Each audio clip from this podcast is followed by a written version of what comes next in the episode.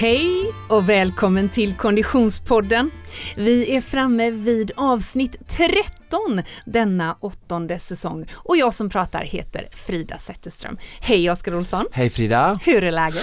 Det är varmt! Ja, det är varmt i Göteborg denna eh, dag i början av maj när solen strålar verkligen. Mm. Det är många som utnyttjar att det är varmt. Du? Ja, verkligen. Vi tackar och välkomnar våren och som sagt kul och extra kul att se många som har snöat på sig löparskorna och gett sig ut. Ja, verkligen. Både i motionsspåret och i, i på promenadstråken eh, så är det eh, folk ute och rör på sig. Väldigt härligt måste jag säga. Och du har varit ute i helgen? Jajamän, det, det är ju inte svårt att komma ut nu alltså måste jag erkänna. Eh, ganska lätta kläder, eh, tacksamt slippa regn och kyla mm. Eh, som har varit eh, ständigt nu i vintern. Även om jag såklart är den, tillhör den typen av människa som verkligen uppskattar vintern också. Mm. Så är det jättekul och skönt med varma dagar nu som väntar. Mm, och du har varit ute och kört eh, eh rullskidor såg ja, jag på Instagram. Lite löpning. Löpning också ja. ja, mm. ja. Lite, lite simning också.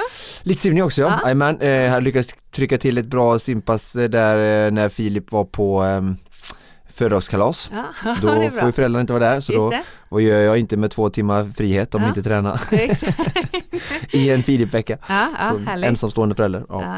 ja, nej men eh, eh mycket mycket eh, eh, rörelse är det runt omkring oss och också mängden rörelse är ju lite det vi ska fokusera på i dagens avsnitt, eller hur? Ja, men jag, jag hoppas det här ska landa bra så att lyssnare och att ska tycka det är intressant. Vi ska prata volymträning, eh, timmar per år och mm. eh, lära sig kanske att analysera sin träning på ett, ett nytt sätt som jag tänker att inte kanske alla gör så mycket.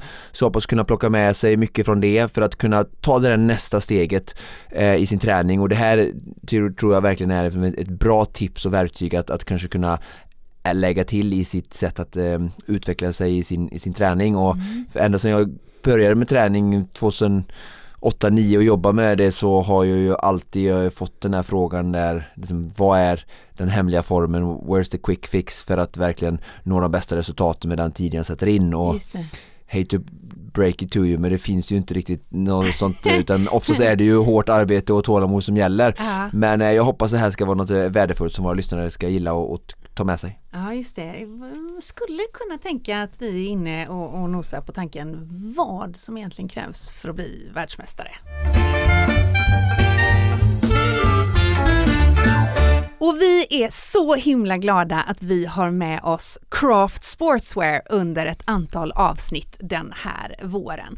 Eh, och både du och jag Oskar springer ju en hel del i dojor från Craft, eller hur? Mm, jag har tre par som jag går runt med nu med olika pass. Ja, alltså och jag har ju samma och jag tänker om vi bara kort ska beröra vilka det är så är det Pro Endure Distance mm. som är den ena dojan. Mm. Eh, den kommer vi återkomma till lite längre fram men den handlar ju lite mer om mängd eller längre distanser, eller hur? Ja, den har jag verkligen som en, en, verkligen som en mängdsko när jag inte har någon krav på fart och när jag bara liksom beta av lugna, lätta pass och den ah. är bra uppbyggnad, känns lätt på foten precis som de andra också. Just men det är ingen karbonplatta i sig så den är ju lite enklare modell mm. får man säga. Mm. och, och, också eh, lite, eh, lite mer eh, uppbyggd runt, alltså mm, den är lite mer tyg runt, sko, ja, runt foten. ja, absolut, absolut. Eh, lite men, eh, tjockare jättebra runt mängdsko och eh, jättebra instickssko för den som är nybörjare till löpning men, och som behöver lite mer dämpning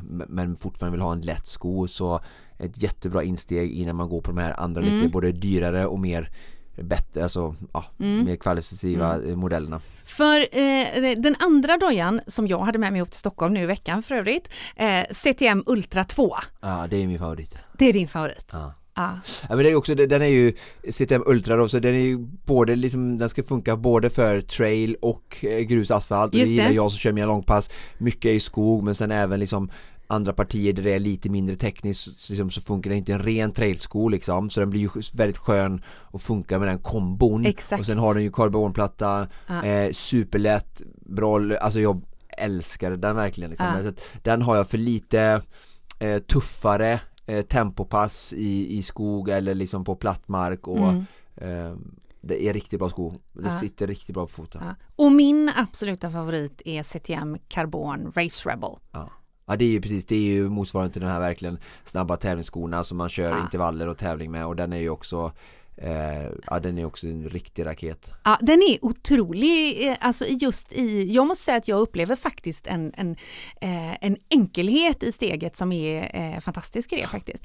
Jag hade faktiskt en, en, en eh, kompis som beställde den för förra veckan och s- jättenöjd verkligen och chockad och det är här, det finns massa andra bra eh, skor redan men det är just det imponerande med detta som jag har sagt innan är ju att de är ju så nya så att, Mm. att de kan leverera den här typen av hög mm. eh, teknologiska skor redan vid första försöket det är Mm. det som jag tycker är väldigt imponerande Mm. att, eh, ja. ja. Ja, mycket, eh, mycket glada är vi att vi har med oss Craft eh, under de här eh, ett antal avsnitt och att vi får ha dem på fötterna.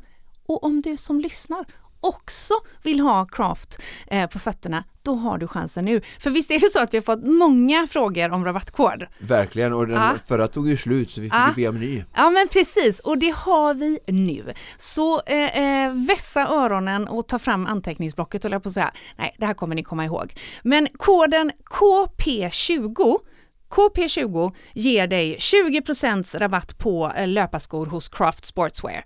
Eh, det här gäller ju då på ordinarie priser är i rea och det är giltigt inom EU på craftsportswear.com och det är en vecka så det gäller fram till den 12 maj alltså.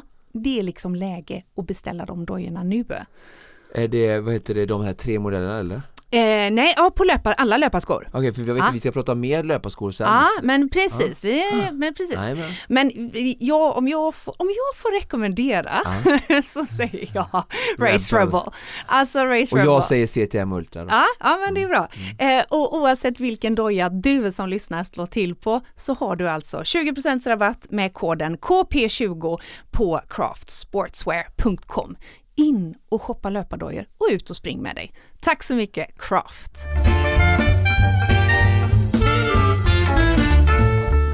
Ja, i, eh, i veckan som gick så eh, eh, fick jag till eh, mina tre löppass. Jag har ju som ambition att, att eh, eh, komma upp i lite fler, men jag var ju i Stockholm hela veckan så att det var, eh, det var lite, lite tajt med prioriteringen för min del. Men jag, jag laddade ändå upp med löpning för både det ena och det andra. Mm. Men det, var, det, jag, det var jag som sa, vi pratade lite coachade jag och Moa där, du har fått lite hemläxa Ja. Var det tre pass i Ja, nej, men det var ju, eh, alltså jag har ju eh, i serien Frida lär sig springa så har ju Moa eh, dirigerat mig lite grann och där är min ambition är ju att hålla minst tre pass i alla fall, varav två är mina eh, sedvanliga 5 km runder eh, fast med eh, lite variation då i tempo. Eh, och, eh, Hur eh, gör du den variationen tänker du? Ja, men det har jag fått lite, lite tricks faktiskt av eh, Moa. Dels att eh, söka upp kanske en trappa och jobba lite intervaller på det sättet. Ja. Eh, och sen det som eh, naturligtvis du alltid pratar om också, att variera miljön, att ta mig ut i eh, lite mer trailmiljö och få lite eh, annat under fötterna. Mm.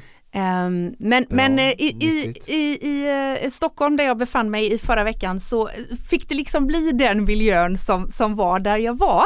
Eh, det blev å andra sidan lite variation för jag har aldrig sprungit där innan så att jag hittade inte riktigt. Just det, du var i Stockholm, berätta var, varför var du i Stockholm? Var du TV4 inspelning? Det var TV4, ja eller direktsändning är det ju alltid i Nyhetsmorgon när jag Ah, jobbar. Ehm, eller jag gjorde faktiskt två inslag på Nyhetsmorgon förra veckan varav det ena var inspelat och det andra var eh, direktsändning. Men sen var jag ju då på, på eh, flådig eh, eh, modefest med, Ja. eh, med hög kändisgrad. Det var det här du, du och Sara Sjöström pratade om när vi hade henne som Just gäst det, Att vi båda det. skulle sammanstråla på Elgalan Så var det, det var Såg Elgalan du förra veckan. glimten av denna Ja, ja, vi, vi både eh, gäst och simmerska? Träffades på röda mattan och eh, kramade om varandra. Och Hon var otroligt snygg eh, även där. Såklart. Eh. Några, här- hon var ju grym, jag var ju grymt imponerad av hennes skor sist Ah, Hade du något annat som stack ut i hennes outfit? Just jag har, det. Jag har inte Ja, ja, sett ja, några nej, hon- vimmelbilder nu är jag med. Hon hade väldigt coola skor när du och jag intervjuade henne. Ja. Ja. för Då hade hon ju guldsneakers. Exakt Ja, nu på Elgalan hade hon en eh, glittrig lång klänning och en väldigt cool frissa. Ehm, hon var otroligt snygg. Nej men det vi eh, hänvisar till helt enkelt är ju Elgalan då. Jag jobbar ju i modevärlden när jag inte, inte sitter eh, här inne i konditionspodden. Och, och jag måste säga att påfallande ofta så sammanstrålar de här världarna alltså. Eh, eh inte minst därför att eh, en hel del eh, modeprofiler tränar en hel del faktiskt. Eh, en del utav dem har ju vi eh, haft med här såklart och kommer vi ju att ha mm. igen. Men också för att Elgalan är ju ett sånt tillfälle där det är ganska kändistätt generellt. Eh, och jag hade ju ett sånt ögonblick eh, eh, mm. på galan när när mina världar möttes. Mm. Konditionspodden-världen med ja, modevärlden. Ja, och det, jag kan ju säga att det är kanske inte Konditionspodden som är mitt eh, eh, eh starkaste eh, igenkänningsvarumärke i den kontexten. Eh, även om det definitivt händer. Men men jag, jag, satt där i goda ro med ett glas champagne i handen och så gick Daniel Adams-Ray förbi Just det, eh, han vet jag ju, han har träffat på ÖTÖ. Ja, precis. Jag hade ingen aning om att han var eh, verksam i den här världen, så när han går förbi mig eh, och han och jag känner inte varandra privat, men vi har ju liksom träffats i, i den här sortens sammanhang. Jag har gjort någon intervju med honom för hundra år sedan när jag var på Sveriges Radio och han slog igenom med Snook. Just, aha. Eh, det har inte med sport att göra, nej. Nej, det har definitivt inte med sport att göra och jag vågar lova att 99% av alla som var på Elgalan tänker inte sport när de ser Daniel Adams-Ray, utan man nej, tänker antingen, musik. ja man tänker musik såklart, för han är ju en fantastisk musikprofil, men han har ju också drivit ett klädmärke back in the days. Eh, så att man är ju liksom, det är ah, kanske det man, man tänker. Mm. Eh, men så gick han förbi och så kom han tillbaka och så, bara, så ställde han sig bredvid så här, ah, jag ska bara säga att jag har arkstrumporna på mig. Och jag fattar ingenting. För just i den kontexten pratar man mycket om vad man har på sig eftersom mm. det är Elgalan. Men jag kopplar inte. Och han såg väl att jag inte kopplade så han sa att Ja, alltså nu när din partner och Axelgård inte kör längre så kör ju jag med Axelgård så att eh, ska du också köra eller? Och jag, jag, jag såg antagligen fortfarande ut som ett frågetecken så jag får säga förlåt, pratar du om Konditionspodden och Oskar Olsson och Fredrik Axelgård? Jajamän, sa Och det visar sig att han är ju en aktiv swimrun Ja, är jättetalangfull, han är duktig alltså. Otroligt roligt. Han kommer nog köra någon tävling i år också säkert. Eh, de, han är jätteduktig ja. med tanke på han är ju ändå pappa och musiker och jobbar ja. mycket så att, att han kan hålla den höga nivån är i, grymt imponerande. Ja, vi textade på morgonen dagen efter och han skrev att det hade varit en väldigt, väldigt rolig fest och nu fick det bli ändring för han kan inte låta Axel tro, tro att han lever på det sättet. så att det var ju fantastiskt, men naturligtvis var Elgalan fylld av, av eh, eh sådana härliga idrottsprofiler också. Bland annat delade ju eh, Armand Duplantis ut eh, priset till årets bäst klädda man eh, på scenen. Och, och vem var det då? Eh, Alexander Abdallah, en skådespelare Aha. som kammar hem årets bäst klädda. Men det var ju på Armand. Ja, på själva Elgalan. Elgalan går ju gick det någon och bedömde det under själva galan då? Nej, nej, nej, alltså nej. Årets bäst man 2021. Aha. Alltså det här är ju ett väldigt, det är väldigt prestigefulla priser. Ja, du förstår, alltså den som har haft typ snyggaste kläder på sig overall då på Instagram eller på att säga under ett år? Ja, eller är mest utav en, en, eh, en modeprofil kan man säga och sen är det ju årets varumärke och årets framtidslöfte och grejer. Men vad tror du skulle, vad, vad skulle kriterierna vara för att du skulle kunna vinna sånt sånt som han gjorde då? Um, Sveriges ofta, bäst klädda ja, man. Of, ja, precis. Ofta handlar det om att sätta ett eget avtryck. Mm, att vara en, en uh, att vara intresserad av mm. mode, att göra egna statements och egna um, ta han en egen du, eh, Han som du och Sara hade som gemensam bekant. Mm, Fredrik Robertsson. Mm. Mm, han har ju vunnit årets blickfång. Mm. Eh, han var för övrigt på Met-galan i natt och det är ju den största modehändelsen i världen i Museum of Modern Art i New York. Eh, det är Sveriges absolut största eh, modeprofil ur ett haute couture perspektiv. Nu är den här podden på väg i en helt annan riktning. jag var nyfiken. Men det, jag, jag funderar nämligen vad jag ska ta på mig imorgon så jag kan börja. Ja, ja, ja. Vi kan ta den diskussionen. Men du, på tal om spännande profiler så jobbade jag ju faktiskt i veckan som gick även med Nils van der Poel. Du får bara omge dig med sådana här häftiga Ah, ja, ja. Du hör ju vilka jag väljer ja. att lyfta här också då. Jag ska inte berätta om vilka jag träffar på dagarna. Men det var faktiskt, måste jag säga, det här var inte i ett modesammanhang utan i en, jag jobbar mycket som moderator och konferencier. Och då hade jag Nils van der Poel som keynote på en, en stor konferens. Han ska vi ha hit till podden. Ja precis, det vill väl nog alla som driver en podd eller en tv-kanal på att säga Ja. men eh, ja, We will make it happen. We will make it happen. I Ja. can't wait. För han var ju också då inne i sin föreläsning och pratade väldigt mycket om det som vi ska prata om idag, det vill säga vad som egentligen krävs. Vad som krävs i mängd och hur man, eh, eh, hur, man kan motivera sig själv till det. Eh, och utan att jag ska gå eh, och ta Nils Eh, van der Poels ord, för det får han göra själv, så är det ju faktiskt lite det vi ska prata om idag, eller hur? Ja.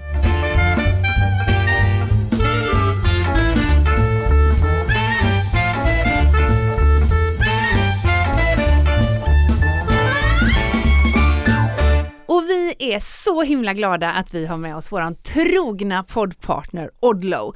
Odlo har ju eh, hängt med oss under en lång tid nu och dressar ju både dig och mig i, i stort sett alla sporter vi tar oss för nu för tiden. Och visst är det så att Odlo kommer att hänga med dig även i ett annat sammanhang framöver? Nej men ja, verkligen. Superkul. Eh, de kommer vara med i en ny satsning nu som jag har kastat mig in i. Eh, inget mindre än Team Längdskidspecialisten. Just det, och satsningen Ehm. har ju vi på Konditionspodden fått hänga med på, det vill säga din, din passion för längdåkning har ju eh, nått nya höjder Mm. eh, och eh, eh, om jag känner dig rätt så har den bara precis inletts. Absolut, och vad kan vara bättre med en partner som springer ur Norge, norska, Norden eh, och även väldigt stora inom just vintersporter. Ja, Eh, och sen har de ju fantastiskt sortiment runt omkring så det är jättekul att de vill vara med på den här resan också och eh, jag som sagt som är full in på, på längdskidor nu eh, kände ju att eh, jag har svårt att göra någonting halvdant Just som det det. mest- mesta jag gör. ja. Eh, vare sig det är laga mat eller vara pappa eller träna eller Mm, så. mm. Så kände jag att eh, ja, men, eh, borde kunna göra någonting eh, bättre av det här. Jag har ju bara liksom varit en ödmjuk eh, nybörjare slash motionär som har bara fått lära mig att göra alla de här eh, dumma, höll jag på att säga, men lärorika misstagen Mm. eh, på alla sidningslopp som jag tog mig igenom i vinter och har lärt mig massor och, och fått redan en, en bra inblick tycker jag eh, i längdskidsporten utöver det som jag har, har följt på tv sedan jag var 10-11 år gammal där alltså jag har alltid haft ett väldigt stort brinnande intresse just för längdskidåkningen i sig just som åskådare Mm. och, och nörd där jag har följt i princip allting som, som går att titta på på tv och, och lite till Ehm, så att jag har ju bra liksom, in i blick i vad proffsen gör och de är ju också återkommande som exempel mycket i forskning som vi gör när det gäller konditionsidrott och fysiologi, träningsfysiologi som, som jag har läst på universitetet och, så att jag, jag har en stor koppling till det men eh, sen just nu det här med hur de här teamen har växt fram och det Mm. häftiga lagarbetet som vi ser mer och mer och det här med att vi kör för varandra eh, Ja, i det, för olika det är lag. just en teamsatsning som är, är, Ja, är, precis. är USPen i detta Ja, här. vi ska ju vara, jag har fått med mig, eh, förhoppningsvis är vi tre stycken nu till att börja med. Mm. Eh, killar som är bättre än mig, Mm. så det är också stimulerande att eh, ha med folk som, som, som kommer slå mig hela tiden och Mm. vara bättre som jag kan hela tiden jaga och försöka lära mig av så det är jättekul och det är också bra för teamet att det är, att det är bra folk eh. Även om vi är vanliga dödliga föräldrar och, och är heltidsarbetande så, så um, är det kul med en satsning utifrån våra förutsättningar Mm. och jag tittar mycket på de här uh, stora teamen då, lag 157 och Ragde och Ramunder och ser hur de jobbar och hoppas vi kan efterlikna det men bara en, en bråkdel av det så ut, uh, ja, på vårat sätt och Ja. då är det viktigt att ha en sponsor med kläder och även utrustning då så längdskidspecialisten i Borås med Jan Flodin som är en, en jättefascinerande, eh, givmild, eh, engagerad framförallt eh, kille som har hållit på med skidor i hela livet och, och driver en, en skidbutik eh, med all utrustning du kan tänka dig så att det är ju jättehäftigt att ha hans stöttning med i ryggen och sen då även nu får vi då Odlo där vi knyter an det till teamet där ja, vi kommer ha eh, försöka bygga lite community kring detta för att Ah. eh, hjälpa fler till att eh, antingen fortsätta och ta sig fram i längdskidsporten eller, eller bara hitta och be, be, bekanta sig med längdskidor och, och rullskidor. Och, och um, nu har vi ju sortimentet som, som eh, Simon på, på Odlo tagit fram här nu då som blir ett eh, rullskidset ja, just det. eh, som vi kommer att köra nu under rullskidssäsongen. Mm. Eh, och då har vi ju, har jag ju fått eh, de här Zero Weight Shield Tech eh, mm, t-shirten till Ja. överdel och den har vi valt i eh, den här gulneona eh, Mm, färgen mm. för att vi ska synas när vi är ute och, och kör på vägarna rullskidor Mm. och sen även det Zero Weight sortimentet ner till till då med de här shortserna som jag gillar så mycket. Mm. Och, och även med en, en, en vet du det, alternativt eh, tights då för Mm. den som vill ha det. Mm. Och sen även ett, ett damkit eh, på samma sätt då också i Zero Weight Chill Tech. Som är, alltså jag tycker, älskar dem, du har ju också testat Ja, dem ja, oh ja. och väldigt lite loose fit eh, men så att man alltså, kan svettas utan Ja. att den blir sådär dröp eh, Mm. Och sen är den väldigt lätt då. Mm. Så att eh, skitkul att ha med dem, ser fram emot att se vad vi kan eh, hitta för produkter fram till eh, vintern sen. Mm. Ehm, de Gud, är ju bra. experter på, på den här typen av kläder så att ja, jättekul och jag ska också bara göra en liten bländare där, eh, att vi kommer börja med ehm, eh, öppna rullskidsträningar Okej, spännande. för att bara liksom, försöka få det här eh, team längdskidspecialisten att växa och få knyta an med eh, andra eh, eller människor och folk ska få bli lite nyfikna och, och få sprida det vi kan Mm. göra också. Mm. Ehm, så att eh, som det ser ut nu så hoppas jag att det ska bli eh, torsdagar i Göteborg en dag i veckan med eh, rullskidsträning och teknik och intervaller så att eh, lyssnar ni på detta och är intresserade så hör gärna av er till mig eh, någon DM på Instagram eller Facebook så Ja. Så ska jag se till att eh, ni får inbjudan till dessa öppna gratis Kul! Mm. Ja, vi i Konditionspodden lär ju givetvis att återkomma och följa Team Längdskidsspecialisten och den här satsningen eh, all year around. Men vi säger tack till Odlo för att ni eh, hänger med oss hela den här säsongen och också är med och eh, stöttar eh, längdskidsspecialister. Tack, tack, tack. Tack, tack, tack, tack, tack. Vad var det som fick dig att knäcka den här idén till ämne idag? Nej men det springer väl lite ur eh, Alltså jag, väl, jag reflekterar ju alltid eh, så över min egen träning och så gjorde jag som jag gjorde, vet du det jag alltid gör Alltså jag tittar ju på hur mycket timmar jag har tränat varje år och sådär och hur jag ligger till och Ja men jag är ganska analytisk i min, eh, i min träning Mm. eh, och i min träningsdokumentation Jag ehm, har ju Polar som vi har pratat mycket om i den här podden och, och, och Polar Flow som hjälper mig och jag som är din coach, jag, Just det. du vet att du, du använder ju också det flitigt Ja absolut och du ska hjälpa mig att, att uppdatera min klocka tror jag. Jajamän, Ja, ja. det kommer vi lösa, det finns i bilen så att eh, efter det här är inspelat så ska vi Ska jag ta mig eh, poddledarmössan och eh, ta på mig coachmössan igen Just det, ja det är bra. Mm.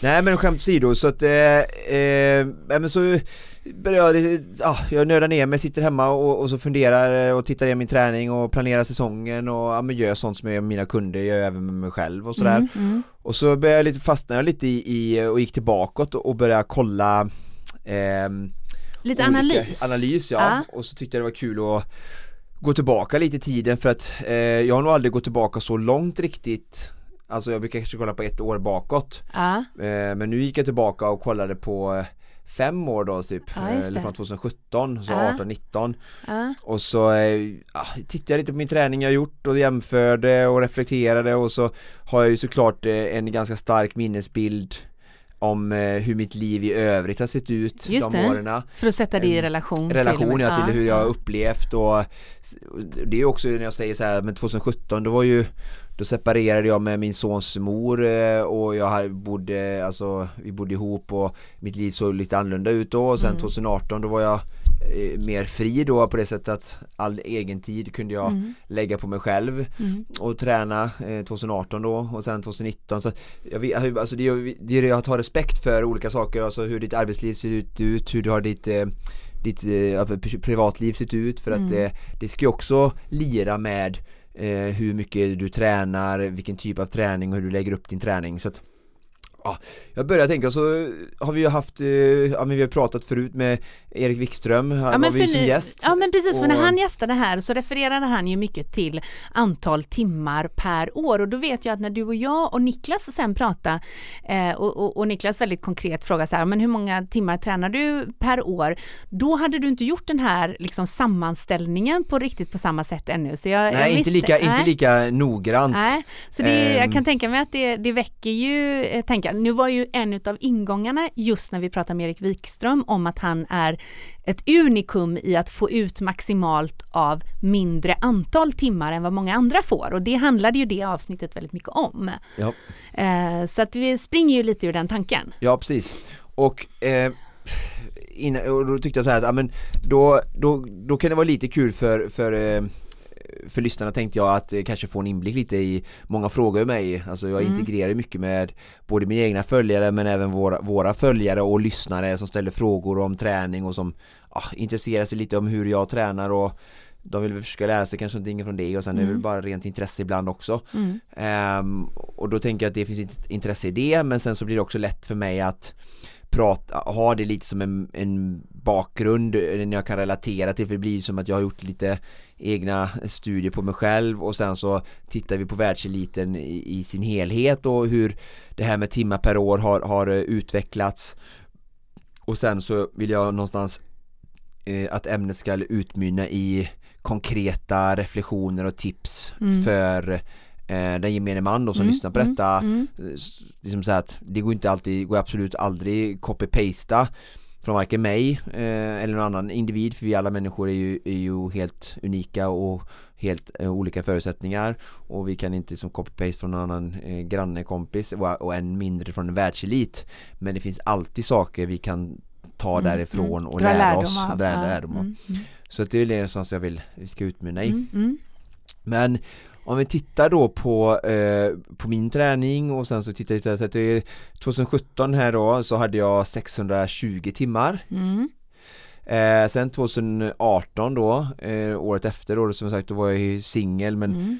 ensamstående far när liksom, halva, hade, tiden. halva tiden och ja. jobbade heltid Eh, men då hade jag 703 timmar mm, mm. så det är ju ganska mycket mm, mm. nästan, eh, nästan 100 eh, timmar ökar ja, ja. men ändå positivt ur det sättet att det blev ju en ökning då Just det. sen under 2019 mm. då körde jag Ö till Ö med Kenny då kände jag också mig väldigt stark Um, så då kom jag upp i 652 timmar mm -hmm. um, och det som är intressant är jag är ganska säker på att Alltså, jag är ganska säker på att um, Alltså det här är också väldigt intressant, jag använder lite Ö till Ö som en referens. Ja, det alltså var en, ju din absoluta ja, ambition under den ja, tiden. Ja, och det blir en liten måttstock på um, hur Resultatet eller framgången? Eh, ja men hur träningen har funkat. Alltså det blir ju en, en måttstock på, mm. okej okay, jag tränar så här mycket, vad får jag för resultat? Yeah. Jag tränar på det här sättet, vad får jag? Det är ju så jag hela tiden vill att de som lyssnar på detta ska hela tiden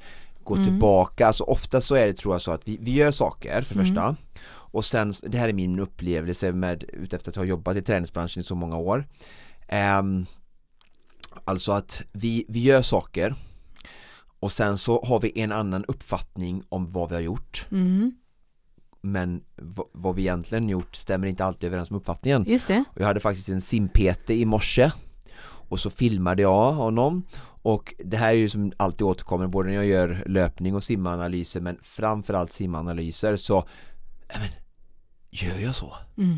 Alltså det blir alltid oftast liksom mm. eh, reflektionen från deras sida när vi kollar på teknikfilmerna att de, det känns inte så, jag har varit med om det hundra gånger med mm. Anna-Karin, simcoachen, min, min simcoach under många år Alltså det här att du har en perception, alltså en uppfattning mm. om mm. Och, och, det är samma sak, jag har jobbat med massa kunder med kost ja. Eh, ja men jag äter ganska nyttigt Ja ah, okej, okay. fast eh, nu har du försökt gå ner i vikt i tio år och ah. du försökt men du har inte gått ner och du går upp och bla bla och så, så gör vi matdagbok då precis som man filmar på teknik så här, oj, ah. är det så här mycket totalt? Men jag tycker inte jag äter så mycket, jag tar bara en liten bit där, tar bara lite så och så har jag det här brödet och den här müslin och så den här maten och så, så det och så så bara börjar du på två veckor göra en kostreaktion bara oj, mm. ja det är rätt mycket. Och, och då blir det så här, då lever vi inte, här är inte så att jag, det är ingen kritik på något sätt eller jag försöker måla ut folk på något sätt utan bara så här, det kan gälla mig också, alltså det är lätt att vi, vi tar ett enstakt exempel och vi gör inte det här, vilket är svårt att hinna med och man kan inte hålla på kanske, eller människor kan inte hålla på och göra överanalysera allting hela tiden.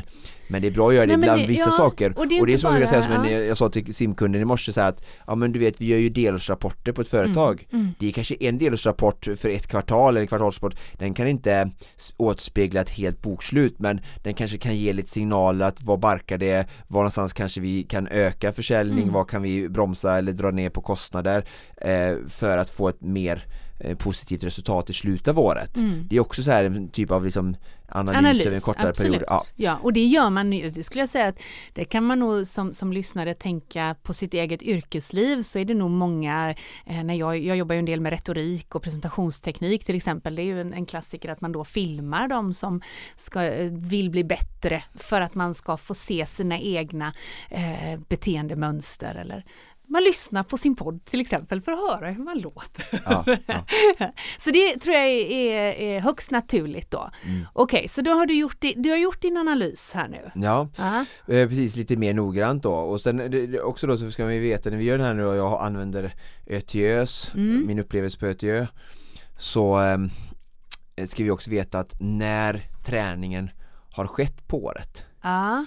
Ehm, så att det finns ju, alltså då ÖTÖ då, ni som inte vet om det, Ja. det är ju första måndagen i september. Mm. Så att där har du ju som du egentligen september, oktober, november, december Mm. Det är ju fyra månader Som till Ja just det, som är off-season lite Ja grann precis då. och beroende på hur det har gått på ÖTÖ eller vad, vad du har för andra mål eh, kanske längre Mm, fram så kan ju mm. de, de träningen bli väldigt mycket träning Ja, eller så kan de bli väldigt lite ja träning. just det. Ja. Ehm, så så Ja. det är ju också lite ja, sådär Exakt. som spelar roll då för att Ja. det är också det som du har ackumulerat Ja. i, i kroppen som Ja. kommer hjälpa dig nästa år. Exakt. Förstår du vad jag menar? Ja, jag som jag har precis. mycket träning till exempel 2018 här, då har Ja. den gått upp Ja. Men i det här fallet då så vet jag ju att 2017 hade jag en, en bra känsla Ja. Så jag tror att under 2016 så tränade jag, nu har inte jag flow så långt bak Men jag har kollat lite i min eh, handskrivna dagbok Mm. Jag skulle gissa att jag hade lite mer timmar 2016 Mm. 2017 hade jag en ganska bra känsla Mm. Även 2016 för jag tränade mycket 2015 Ja. Men eh, eh, sen då 2017 så tränade jag, eller hade en bra ÖTÖ Sen 2018 då var jag ganska, då tränade jag 703 timmar, alltså nästan Mm. 100 timmar mer Mm. Mm. Men hade inte så jättebra känsla på ÖTÖ Just det. eh, Så då hade jag, jag kom från 2017 som var en, en liten lägre volym eh, Och sen så anledningen till att det blev så mycket 2018 eh, Tror jag är för att jag började Det har jag inte gjort innan kanske på samma sätt som jag gjorde då för att men Jag och Adrian var vi just då så att men nu Eh, eller liksom jag kände det att jag vill verkligen vinna för Mm. då hade jag kört tre gånger så att 2019 skulle verkligen bli min stora år Mm, Alltså det var mm. verkligen då jag tänkte och skulle vinna Så att, eh, att jag fick så mycket timmar 2018 Mm. Det var ju för att jag tränade väldigt mycket Mm. i slutet av 2018 Just det. eh, För inför 2018 Ja. de som kan historien så var ju inte tanken att jag skulle starta utan vi tog det beslutet det. bara 10-12 dagar innan Mm. Mm.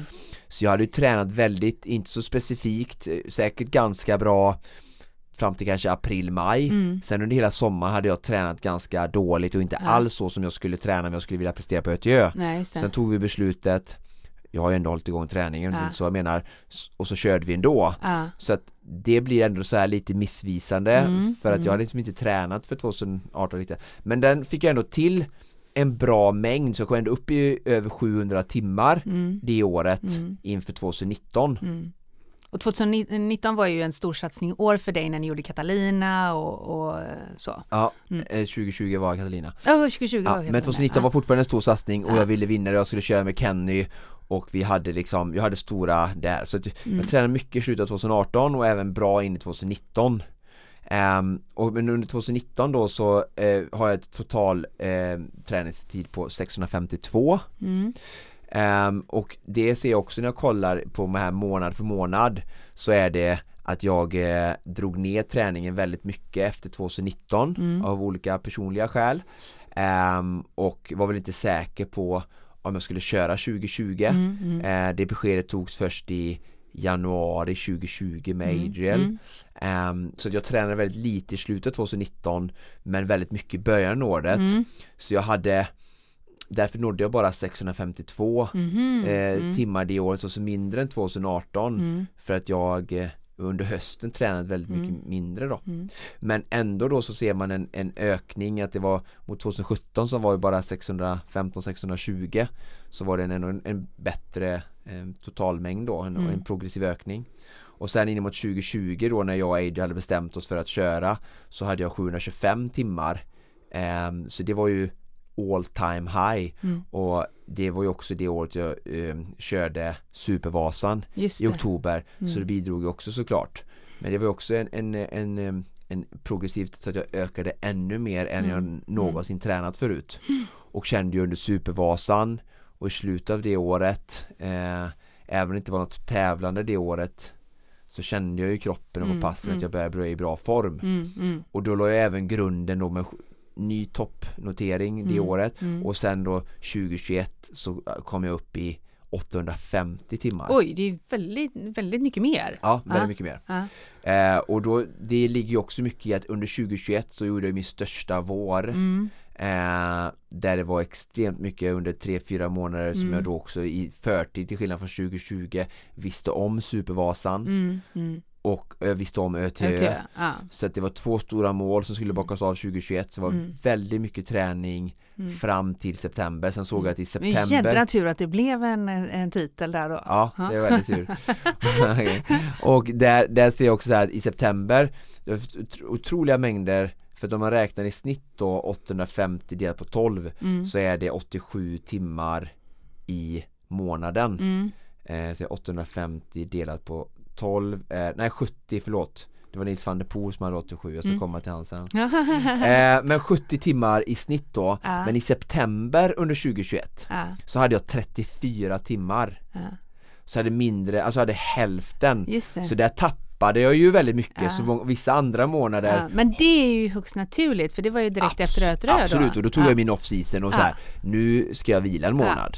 Och det är ju bara sunt och så, ja, ja. jag menar bara att eh, månadsvolymen har ju varit mycket högre än 70 Ja. vissa andra månader. Så är det ju alla träningsupplägg, Mm, mm. motionär som världselit och, Mm, och allting däremellan Men, eh, och det roliga är då att jag hade väldigt mycket träning i början av 2021 Mm. och liksom det som ändå blir eh, kontentan i detta som är intressant och, och som vi ska fortsätta resonera kring är ju att jag har ju som sagt kört ÖTÖ sedan 2016 som Mm. min stora värdemätare, alltså det jag mätt med bland de bästa i, i den sporten Mm.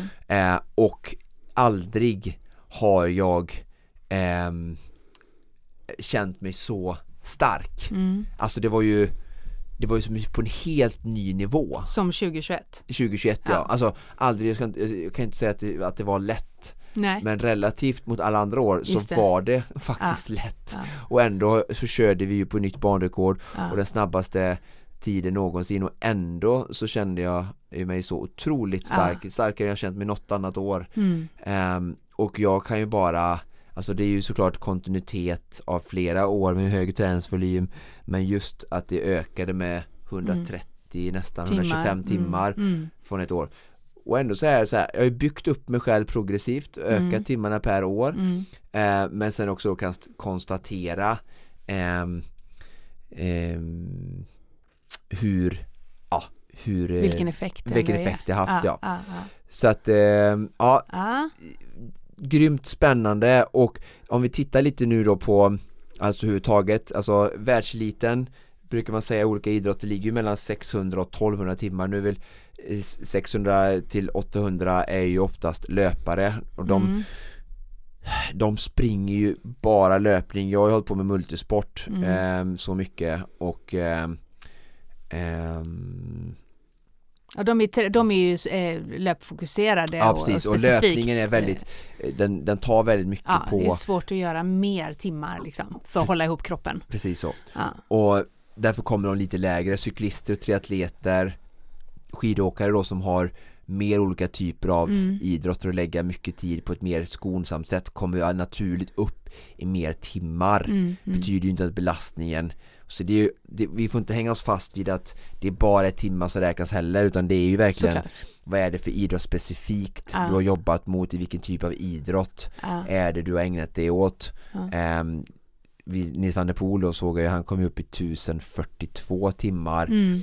Vilket är otroligt mycket för någon som håller på med, med skridskor då där Fast det det är inte ju väldigt hög grad cykel också. till- Ja precis, det är ju för att han la in det Ja. Men sen så har han ju också så här att hade han bara hållit på med cykel Mm. så hade han ju kommit upp i ännu mer än Mm. 1000 för att i de här 1049 timmarna Ja. så har det varit mycket skridskor också och tuffa intervallpass och specifika pass som kanske inte möjliggör en hög volym, Mm. du? Ja. En cyklist som kanske cyklar 6 gånger 6 timmar en Mm. vilodag, han kan väldigt lätt få 36 timmar Mm.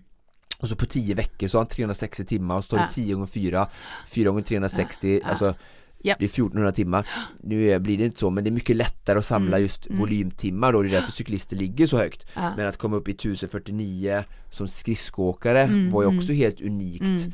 Men, eh, och det är ju som du säger, han la ju in såklart mycket mer cykel då än Mm. sina konkurrenter Mm. för att bygga den här då aeroba basen Mm. Exakt. och det är lite här nu jag vill liksom, Om vi ska förklara vad aerob bas är för en lyssnare som inte hänger med på det. Nej, det är ju egentligen att, att lägga, det har jag ju varit inne lite på förut när vi pratar om Oh ja. eh, konditionsträning och så Men en aerob bas är att du tränar en, en, ett block med mellan 10 till 12 veckor kanske eller Alltså en aerob bas bygger du upp under flera år men och sen bryter man ju ner det i olika block då på, ett, på en som periodisering under ett år Mm. och, Men då kan du säga att en aerob bas att inför säsongen då kan vara att lägga 12 veckor med fokus på volym. Så mycket distansträning eh, zon 2, 3, 60 till 75% av VO2 max eller maxpuls ehm, och bara nöta det och lägga inga intervaller för kör du massa intervaller då måste du börja dra ner på volymen för att hinna återhämta mellan passen Mm. Mm.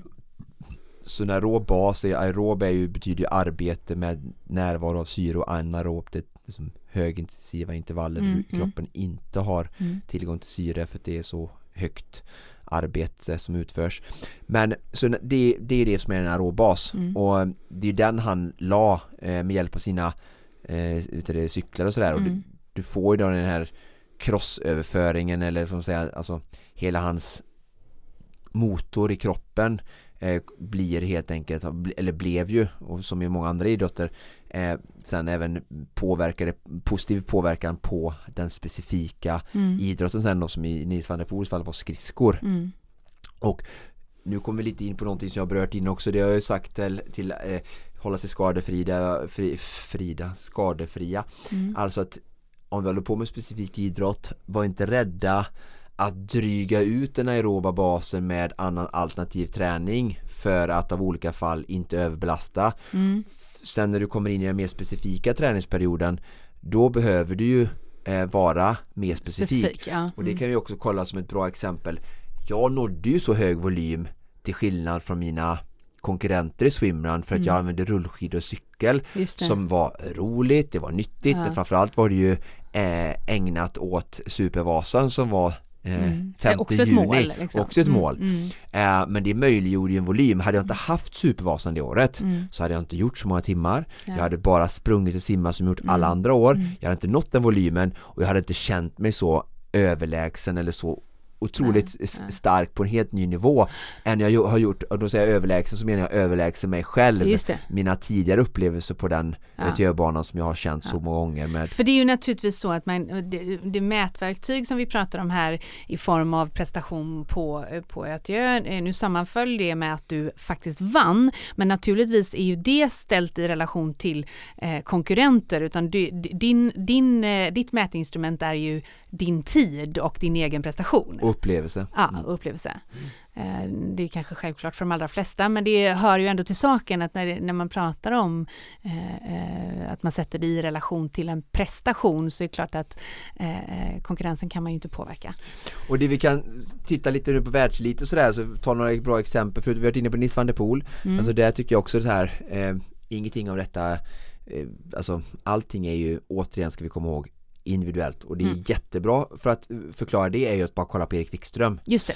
han åker mycket bättre skidor än mig Mm. han tränar Mm. Han presterar 400, ju- 400, ja, med, 400 timmar, jag åkte 800 timmar, han körde ifrån mig ändå Ja. eh, nu är det såklart teknik, arbetsergonomi, te, alltså taktik eh, massa saker som spelar in Mm. han kanske är mer talangfull eh, liksom rent fysiologiskt än, vad jag är i sitt rörelsemönster, alltså massa, massa, massa, massa parametrar Mm. eh, men eh, det är ju fortfarande så så att det gör ju att vi måste, vi får inte glömma att det är individuellt Mm, så vi bara mm, verkligen bara mm.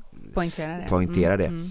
Eh, men sen om vi tittar på eh, Nils der Poel då som Mm. helt plötsligt gjorde banbrytande volym Mm. eh, OS-guld, VM-guld. Mm. Eh, vi kollar på Martin Jonsson Sundby. Mm. Eh, kolla- de flesta skidåkare brukar man säga så här 850 till 1000 timmar. Eh, då kan man så kolla på mina timmar och säga, ah, men du är ganska mycket, ja fast man ska också komma ihåg att de tränar ännu hårdare under vissa Specifikt. perioder Ja. för att när de har tävlingssäsong som är Mm. ganska lång Mm. Vi brukar prata tredje helgen i november Mm. som sträcker sig till minst sista mars. I mars ja. Det är Mm. som fyra månader med väldigt hög Ja, tävlingsbelastning, ja. mycket högre än jag har. Ja. Vilket gör att jag hade, kunde under den perioden, om man sett på den tiden av året, Ja. som januari, Från mars, det- Ja, för jag har inte tävlat så mycket överhuvudtaget utöver Ötjö, alltså öloppet eh, och sådär. Så har jag kunnat träna på väldigt höga volymveckor Mm, mm. relativt sett till dem Mm, ändå. mm. Men de tränar ju mycket mer än mig när de väl tränar. Sen Mm, som mm. sagt ehm, tävlar de ju så mycket Mm. så de lägger ännu större aerob bas än jag gör för att sen kunna liksom verkligen leva på den formen under en hel tävlingssäsong Mm. som är så intensiv så att Mm. jag tror inte de kan få till så jättemycket träning. Det är ju nästan världscuptävling varje helg. Så att det, det går inte riktigt nej, det går under inte att de jämföra månaderna det. måste det vara. Ja, Ja, mm, mm. Men, och då tappar man ju träningstid. Så att, Mm. Men Jonsson Sundby, när han verkligen kom, då gick han ju upp över 1100 som också Mm. var lite så här äh, gick emot strömmen och det, det, så där mycket kan man inte träna. Mm. Eh, banbrytande, eh, lyckas hur bra som helst. Eh, sen har vi även eh, Johannes Höftbo Kläbo har också kommit upp i de mängderna. Mm. Börjat med långa pass upp mot 6, 7, 8 timmar på en Mm, dag. mm. Också, alltså längdskidsporten har oftast varit väldigt så här två timmar rullskidor på morgonen, två timmar skate eh, på eftermiddagen eller löpning och så gör Mm. du så kanske fem dagar, Mm. kör någon lätt vilodag och så börjar du om. Ja. Två, två, två, två. Men så börjar de här liksom Alltså vi, det är ju det vi alltid har gjort inom sport vilket är härligt, alltså utvecklingen att vi har ökat men nu kollar vi på volym och volymen har verkligen liksom utmanats Mm. idrottare emellan och, och de har testat gränser och i många fall då är det också då att det är idrottare som har lyckats med den här delikata utmaningen att återhämtningen måste du sätta Exakt. också.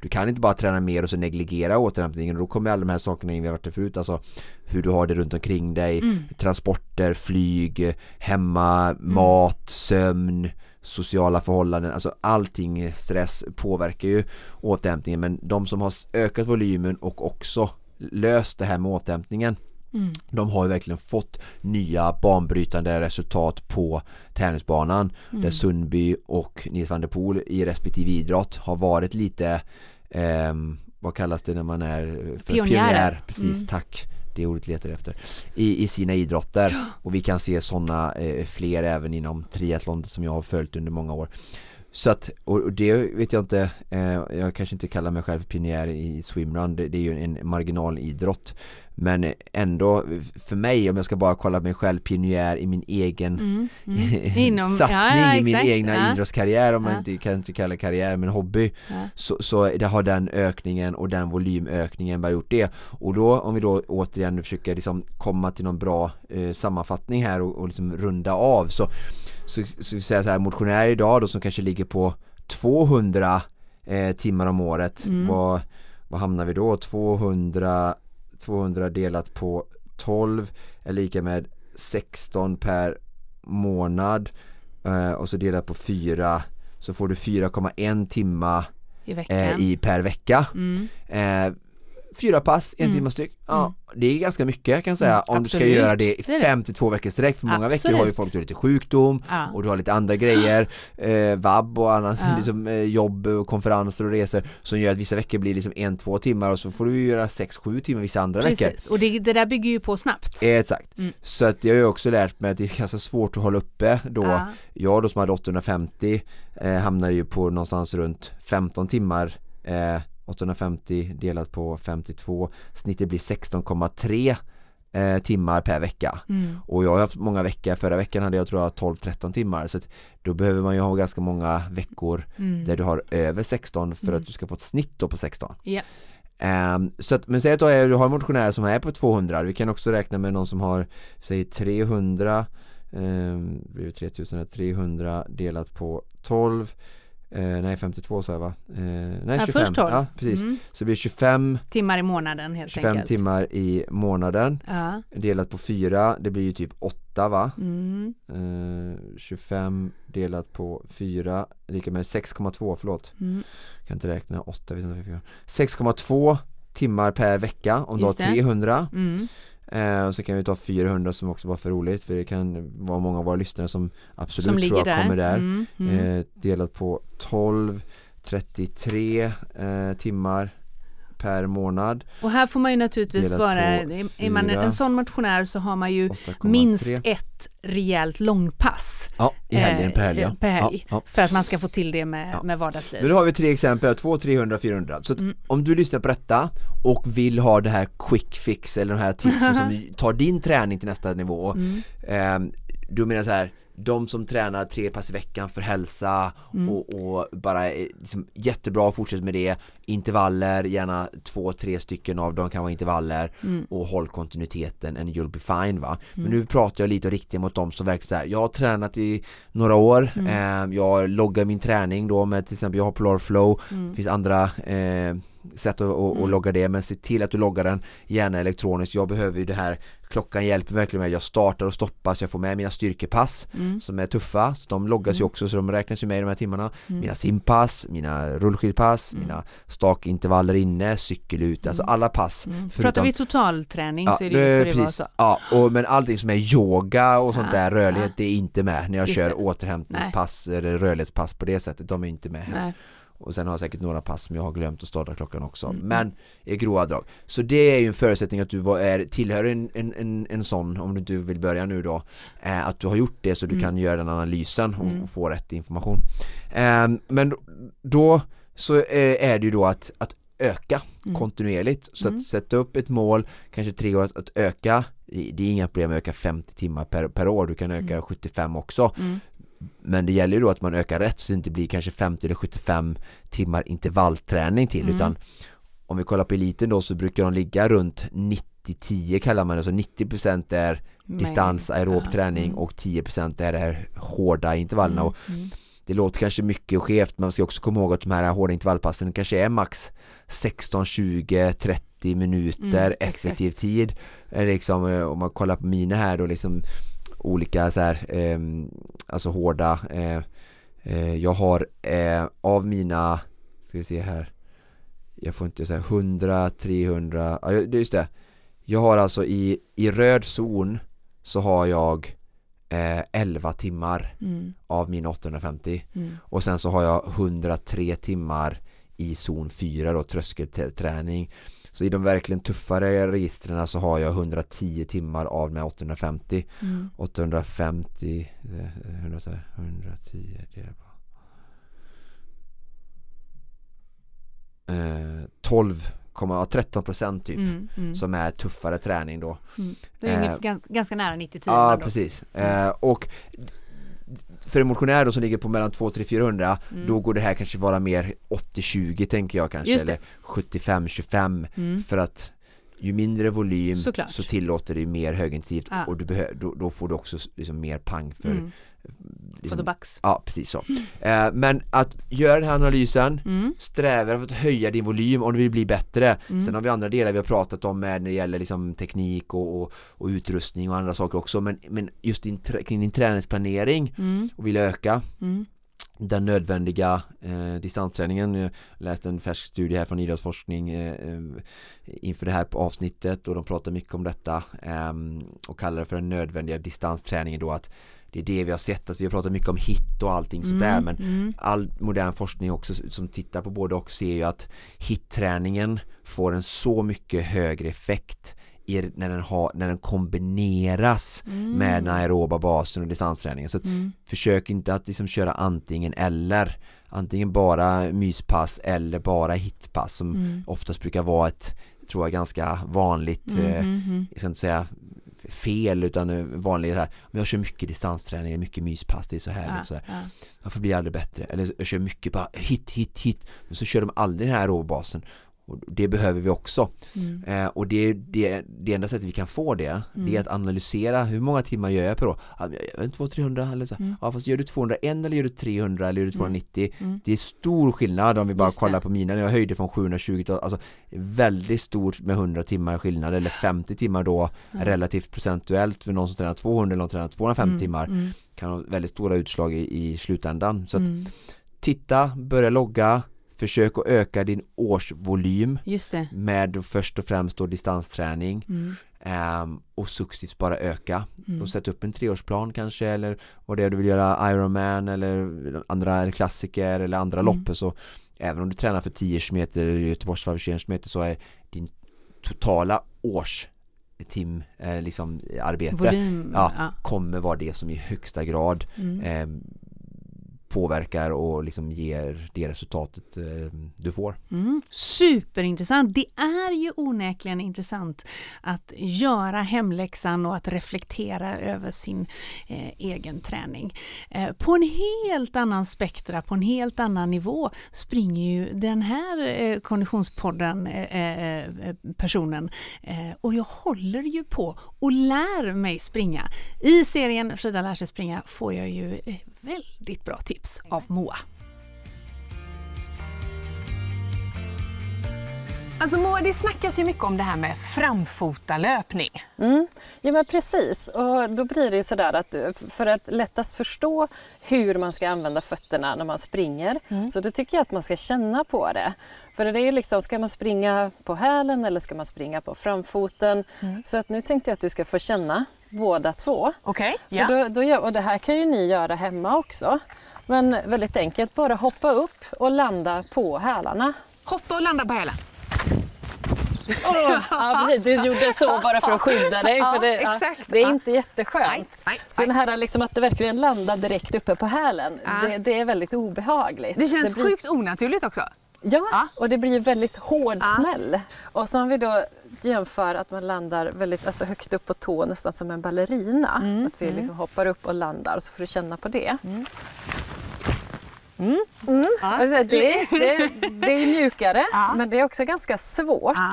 Men om man då tittar på hur fötterna ser ut så då är det ju faktiskt här som foten är bredast. Det är ju också framfoten. Just det. Och om vi nu försöker, vi hoppar upp och landar på fotens allra bredaste del. Ja. Så. Mm, nice. Ja, om du vill se hur det ser ut när Moa lär mig springa eh, så tycker jag du ska kolla in på Konditionspoddens sociala medier på Facebook och på Instagram. Där eh, finns det lite tips att ta del av. Vad ska du eh, träna resten av veckan, eh, Oskar Olsson?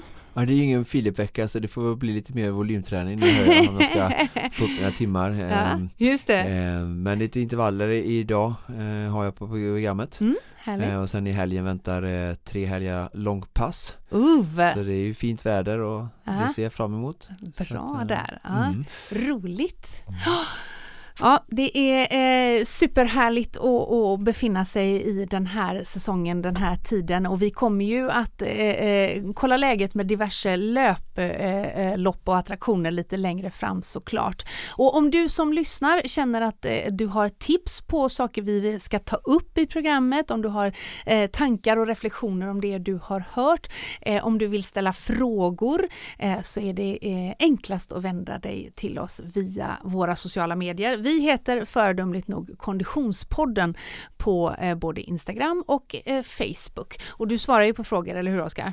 Absolut, bara en bomba och svarar jag inte och inte får svar så snälla eh, bara svara, fråga igen. Mm. Ja, gör det. Eh, Vi blir väldigt glada när ni hör av er såklart. Men det här, kära lyssnare, var allt vi hade att bjuda på för denna veckan. Precis som vanligt produceras Konditionspodden av Freda. Connect Brands with People. Thank you.